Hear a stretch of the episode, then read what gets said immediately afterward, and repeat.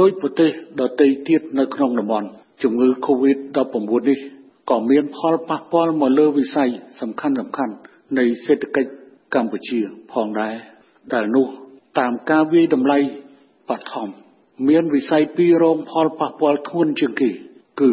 ទី1វិស័យទេសចរដោយមូលហេតុអ្នកទេសចរមានការភ័យខ្លាចលែងហ៊ានធ្វើដំណើរកម្សាន្តនិងការបិទជើងយន្តហោះហោះហើរ និងទី2វិស័យកាត់ដេរដោយសារការខ្វះវត្ថុធាតុដើមត្បិតរោងចក្រមួយចំនួននៅប្រទេសចិនមិនតាន់ដំណើរការឡើងវិញជាប្រក្រតីនេះជាការថ្លែងរបស់លោកនាយករដ្ឋមន្ត្រីហ៊ុនសែននៅក្នុងសន្និសីទកាសែតមួយកាលពីព្រឹកថ្ងៃច័ន្ទ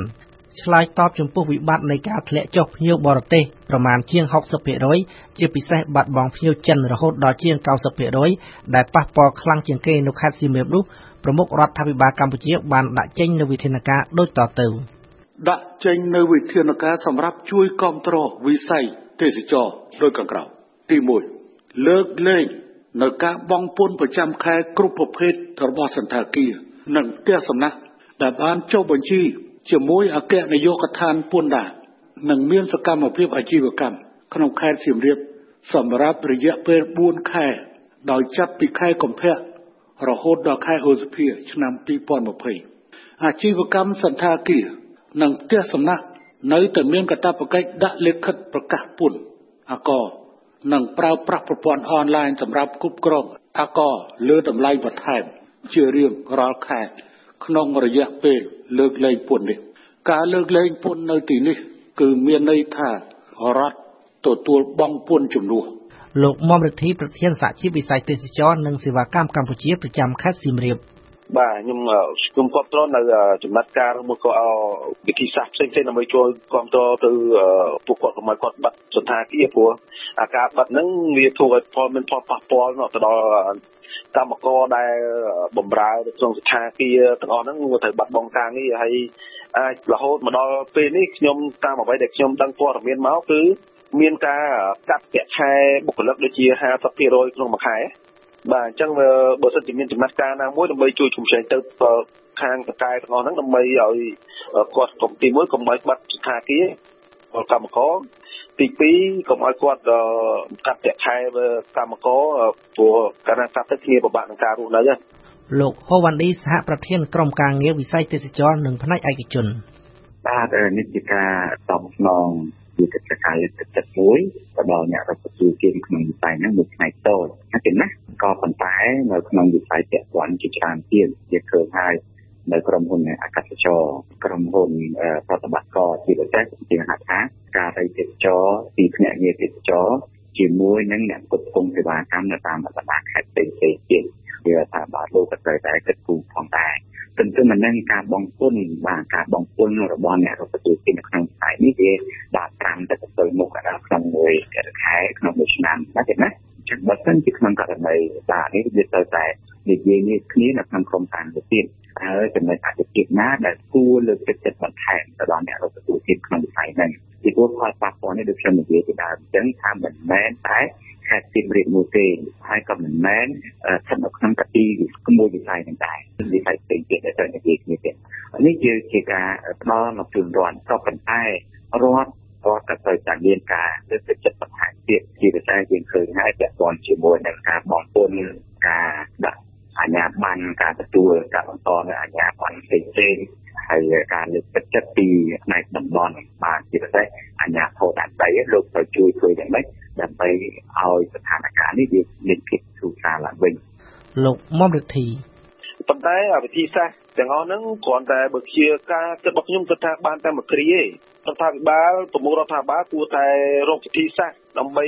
តាក់ទាញភ្ញៀវយកមកវិញត្រឡប់យកមកវិញតែយើងធ្វើវិធីសាស្ត្រហ្នឹងដើម្បីឲ្យមានភ្ញៀវមកលេងនៅក្នុងខេត្តសៀមរាបនឹងវិញឬមួយក៏តំបន់ប្រទេសទេសចរផ្សេងផ្សេងទៀតអានេះបានជាដំណោះស្រាយពិតប្រាកដហើយយើងអត់មានចាំបាច់ទៅបទូបថយពន្ធឬមួយអនុគ្រោះពន្ធអីហ្នឹងយើងមិនបាច់ដើរទៅផ្លូវនឹងបន្តទៀតទេណាហើយកន្លងមកឃើញថាវិធីសាស្ត្រដែលតាក់ទាញភ្ញៀវហ្នឹងបើនិយាយនៅកម្រិតគឺកម្រិតនៅខ្សោយណាស់ក្នុងការពាណិជ្ជកម្មរូបិសនីឬមួយក៏ធ្វើឲ្យមានការតាក់ទាញភ្ញៀវហ្នឹងឲ្យចូលមកលេងនៅស្រុកខ្មែរហ្នឹងហើយខ្ញុំតែងតែផ្ដល់នសាថាយើងត្រូវមើលទៅប្រទេសជិតខាងយើងព្រោះភ្ញៀវគេកើនរហូតមកលោកហូវ៉ាន់ឌីបាទតាមពិតទៅការធ្លាក់ចុះនេះប៉ុន្តែតែទើបតែជំងឺនេះធ្លាក់ទើបតែជំងឺនេះកើតឡើងនេះទេណាមានការទូតាមប្រទេសតែម្ដងទី1យើងឃើញហើយតាំងពីរឿងដែលជនជាតិពិសេសជាចចិន បានចាក់ចេញពីប្រទេសមួយផងយើងឃើញថាទីក្រុងកាសេនក៏វាប៉ះពាល់ដែរពីព្រោះទេសចរវាពេលដែលមកវាមិនមែននៅមួយកន្លែងទេណាទេសចរដែលមកគឺគាត់ដើរដោយចំដូច្នេះម្នាក់ម្នាក់ជួនកាលគាត់ប្រើប្រាស់នៅសេវាកម្មបាទវាពី3កន្លែងអញ្ចឹងណាណានៅពេលដែលទេសចរដែលប្រើប្រាស់ សេវាកម្មដែលតាមតំបន់ផ្សេងផ្សេងហ្នឹងបើសិនជាឧបមាថាម្នាក់ហ្នឹងគាត់ទៅតំបន់3តំបន់ទាំង3ហ្នឹងគាត់បានទទួលនៅអត្ថប្រយោជន៍ប៉ុន្តែបើសិនជាគាត់អត់ទៅបាទញ៉ាំទាំង3កន្លែងហ្នឹងគឺវាប៉ះពាល់ធ្ងន់ធ្ងរទេណាទេណាបាទបាទហើយយើងឃើញហើយជាមួយតាំងពីការពុកជែងគ្នាតាំងពីរឿងរឿងយើងហៅថាសង្គ្រាមពាណិជ្ជកម្មរវាងសហរដ្ឋអាមេរិកនិងចិនក៏វាមានផលប៉ះពាល់មកកម្ពុជាផងដែរជាពិសេសជាទេសចរ ដែលធ្វើដំណើរទៅឆ្ងាយបាទហើយក៏រឿងមួយទៀតរឿងពាក់ព័ន្ធជាមួយនឹងបាទកម្ពុជាដែលពាក់ព័ន្ធជាមួយនឹង EBA នឹងផងដែរវារឿងជាអានេះគេហាក់ការគូផ្សំគ្នាបាទបន្ទាប់មកទៀតរឿងសង្គ្រាមរវាងអាមេរិក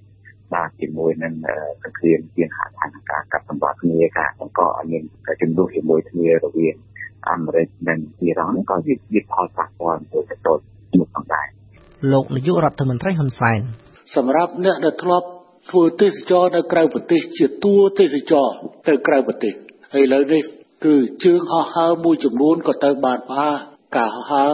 ហើយភាពមិនច្បាស់លាស់នៃជំងឺទៅតាមប្រទេសក៏ស្ថិតនៅក្នុងស្ថានភាពដែលត្រូវប្រុងប្រយ័ត្នដូច្នេះសូមបងប្អូនប្រជាពលរដ្ឋរបស់យើងដែលធ្លាប់ធ្វើដំណើរចេញទៅក្រៅប្រទេសក្នុងមួយឆ្នាំជាង1លាននាក់សូមបកមករិះរកការធ្វើដំណើរក្នុងស្រុករបស់យើង ទៅកាន់តំបន់ទេសចរនានាក្នុងនោះឲ្យអតិភិបខ្ពស់ទៅលើខេត្តសៀមរាបធ្វើយ៉ាងនេះយើងសន្សំរូបិយប័ណ្ណផងយើងឲ្យប្រជាពលរដ្ឋរបស់យើងអាចស្គាល់ប្រទេសរបស់ខ្លួនបានច្បាស់លាស់ផងនេះជាការអភិរវារបស់ខ្ញុំដើម្បីជួយស្រោចស្រង់នៅវិស័យទេសចររបស់យើងតាមរយៈនៃការធ្លាក់ចុះនៃទេសចរបរទេសក៏ប៉ុន្តែទេសចរស្រុក ក្នុងស្រុករបស់យើងនៅតែមានកំណើនលោកមុំរិទ្ធី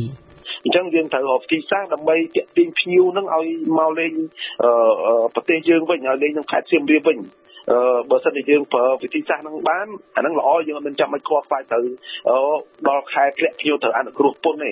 ហើយប្រទេសខ្មែរយើងជាច្រើនខេត្តសៀមរាបហ្នឹងគឺច្រើន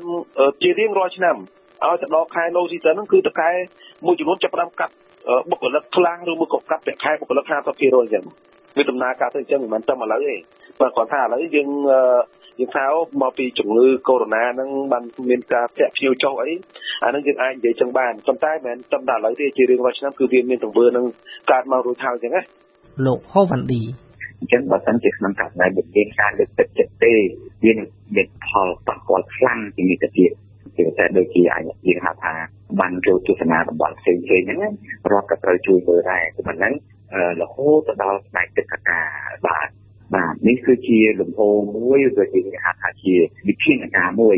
បាទដើម្បីជួយទប់ស្កាត់កុំឲ្យវិស័យនេះវាកាន់តែធ្លាក់ចុះ អញ្ចឹងបើសិនជាក្នុងករណីយើងទប់ស្កាត់ទេសចរយើងបង្អាក់ទេសចរមានថាយើងបង្អាក់លំហចូលទៅដល់ចំណូលចូលទៅដល់អ្នកផ្គត់ផ្គង់សេវាកម្មទៅតាមប្រព័ន្ធទេសទេអញ្ចឹងមានថាសេដ្ឋកិច្ចយើងនឹងក៏នៅក្រឹមដែរទៀតឆ្លើយតបចំពោះការបិទរោងចក្រមួយចំនួននៅពេលដ៏ខ្លីនេះដោយសារតែអស់វត្ថុធាតុដើមដែលនាំចូលពីចិន និងដោយសារតែការដកហូតផ្នែកខ្លះនៃប្រព័ន្ធអនុគ្រោះពន្ធ EBA ពីសហភាពអឺរ៉ុបនោះលោកប្រមុខរដ្ឋាភិបាលបានដាក់ចេញនូវដំណោះស្រាយយ៉ាងដូចនេះថាចំពោះក្មួយក្មួយជាកម្មករនយោជិកទាំងអស់រាជរដ្ឋាភិបាលនឹងធានារកការងារជូនប្រសិនបើជួបប្រទះនឹងបញ្ហាបាត់បង់ការងារក្នុងករណីដែលក្មួយក្មួយមិនទាន់ចង់ធ្វើការងារហើយចង់ស្វែងរកឱកាសក្នុងការបង្កើនសមត្ថភាពជំនាញរបស់ខ្លួន ក្មួយក្មួយអាចចូលរួម និងទទួលការបណ្ដុះបណ្ដាលដែលរៀបចំដោយក្រសួងពាក់ព័ន្ធជាមួយនឹងប្រាក់បំណាច់ក្នុងកម្រិតមួយសមរម្យទន្ទឹមនេះខ្ញុំក៏សូមជម្រាបថែមទៀតថាអ្វីដែលបានដាក់ចេញនៅពេលនេះគឺជាកញ្ចប់វិធានការជុំទី1ដើម្បីកាត់បន្ថយផលប៉ះពាល់រក្សាលំនឹងអាជីវកម្មនិងលំនឹងជីវភាពជូនគួយគួយកម្មករនយោជិកទាំងអស់ ខ្ញុំយល់ឃើញថានេះគឺជាវិធានការមួយដើម្បីដោះស្រាយបញ្ហាបន្ទាន់ការដោះស្រាយនេះគឺគ្រាន់តែជាការដោះស្រាយដើម្បីបន្ធូរបន្ថយការលំបាកតិចតួចតែប៉ុណ្ណោះបើតាមផ្លូវច្បាប់កាលបើក្រុមហ៊ុនមិនមានការងារធ្វើគ្រប់គ្រាន់ក្រុមហ៊ុនត្រូវតែសុំទៅនាយកដ្ឋាននៃក្រសួងការងារដើម្បីធ្វើការឯកភាពបើពុំដូច្នោះទេក្រុមហ៊ុនត្រូវបង់ឲ្យកម្មករនៅប្រាក់ឈ្នួលនឹងពេញ ប៉ុន្តែបើសិនការសុំនឹងខាងនាយកដ្ឋានឯកភាពក្រុមហ៊ុនអាចនឹងបង់នៅផ្នែកណាមួយដូចជាថ្លៃអាហារឬថ្លៃជួលផ្ទះឬក៏ស្នាក់នៅអញ្ចឹងជាដើមតែនៅក្នុងពេលនេះខ្ញុំមើលហាក់បីដូចជាឡំសាំមានន័យថាសុំទៅក្រសួងក៏មិនសុំហើយការបិទក៏មិនបិទផ្លូវការប៉ុន្តែទៅជាការសម្រេចថាឲ្យដល់40% ជាងនេះទៅទៀតកម្មករយោជិតក៏ត្រូវបានទទួល20%ទៀតដែរប៉ុន្តែនៅមានលក្ខខណ្ឌមួយទៀតគឺថាត្រូវមកចូលរួមវគ្គបណ្ដុះបណ្ដាលខ្ញុំយល់ឃើញថាបើសិនជាការដែលឲ្យ60%ហើយបន្តឲ្យគាត់ស្នាក់នៅឬក៏ឲ្យគាត់ចេញចូលមកធ្វើការតែគាត់ទៅចំណាយទាំងអស់នោះខ្ញុំគិតថានៅតែការលំបាកសម្រាប់គាត់ទេព្រោះគាត់ត្រូវស្នាក់នៅត្រូវហូបចុកនិងត្រូវធ្វើដំណើរនោះពេញហើយបើសិនជាលក្ខខណ្ឌនឹងតាំងតែងឧទាហរណ៍ថាការបដិបដាលហ្នឹងត្រូវរៀបចំ ទៅតាមម៉ោងថ្ងៃអីដែលបានកំណត់ហ្នឹងខ្ញុំគិតថាដូចជាវាពិបាកមែនទែនក៏ប៉ុន្តែបើសិនជាការបដិបដាលនេះគឺអាចនិយាយថាក្នុងមួយខែម្ដងឬពីរដងឬក៏3ដងអីខ្ញុំគិតថាដូចជាមិនបញ្ហាទេបាទ